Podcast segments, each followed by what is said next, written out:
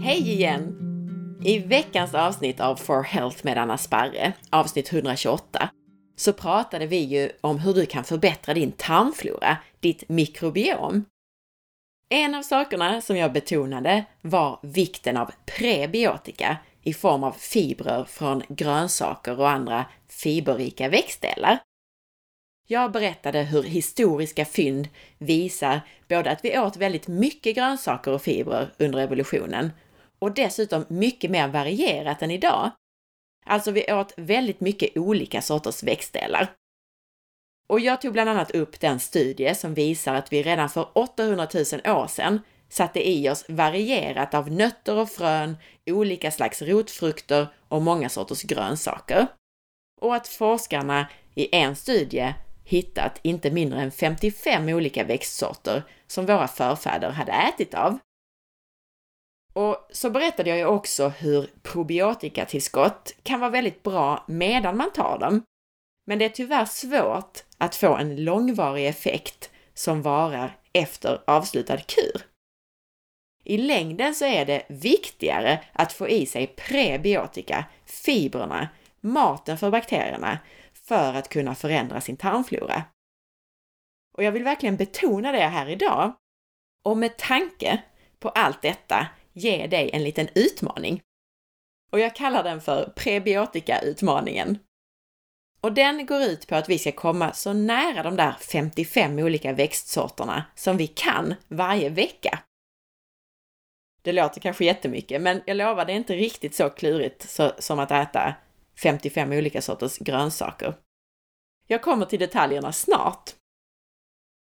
Och som jag nämnde i avsnitt 128, det handlar alltså inte om att äta en sorts fibrer en gång per år, utan att regelbundet äta en stor variation av återkommande fibrer. Låter 55 sorters växter helt omöjligt? Kanske inte. Alltså jag trodde personligen att jag för tillfället äter väldigt enformigt.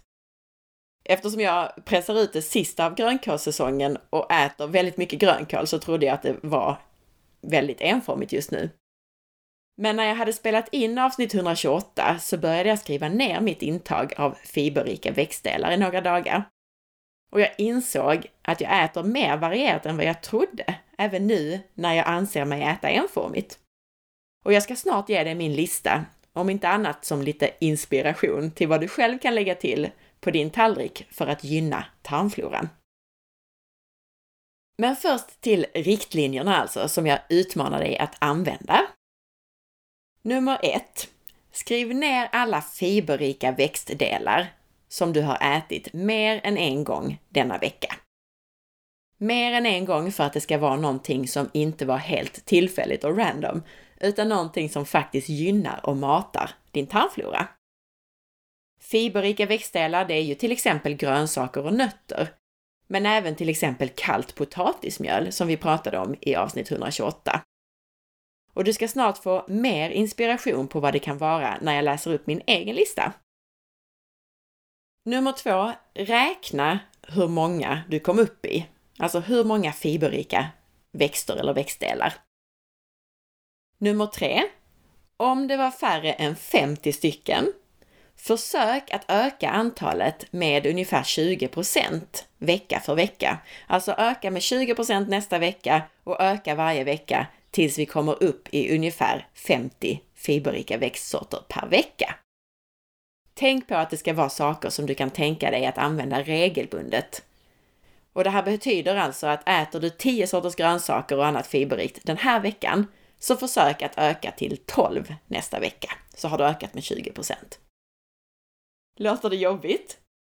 Börja i alla fall med att räkna eller uppskatta veckans intag av grönsaker och andra fiberrika växter och kommentera antingen i blogginlägget för det här avsnittet, på forhealth.se alltså, eller på Facebook vid avsnittsinformationen. Om inte annat så blir det en rolig undersökning bland er lyssnare. Och här kommer min egen lista som jag registrerade i några dagar, inte en hel vecka, men i alla fall. Och den laddade på minst 30 stycken olika sorters fiberrika växtdelar som återkommer mer än en gång. Nummer ett var grönkål. Nummer två, vitkål och surkål.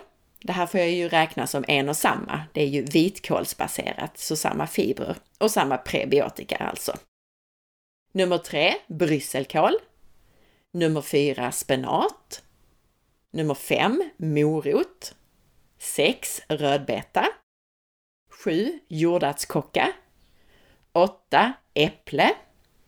nio, avokado. tio, oliver. 11. Glasört. 12. Algen som kallas för havssallad. 13. Solrosfrön. 14. Mandel.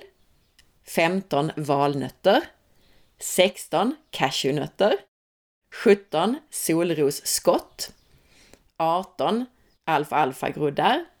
19. Linsgroddar. 20. Rädisgroddar.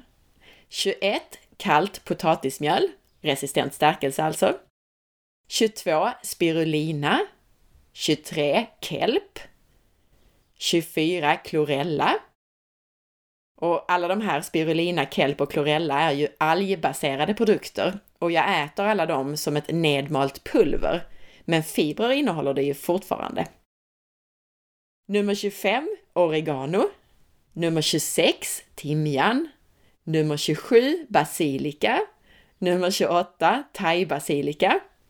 Och jag ska tillägga att jag äter örter i ganska stora mängder och varje dag i min mat. Inte minst för att de är så fulla med näring. Men de bidrar ju också med fibrer såklart.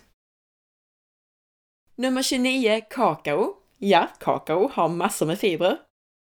Och nummer 30 karob, alltså pulver från växten som kallas för johannesbröd och som jag har skrivit om på forhealth.se nyligen.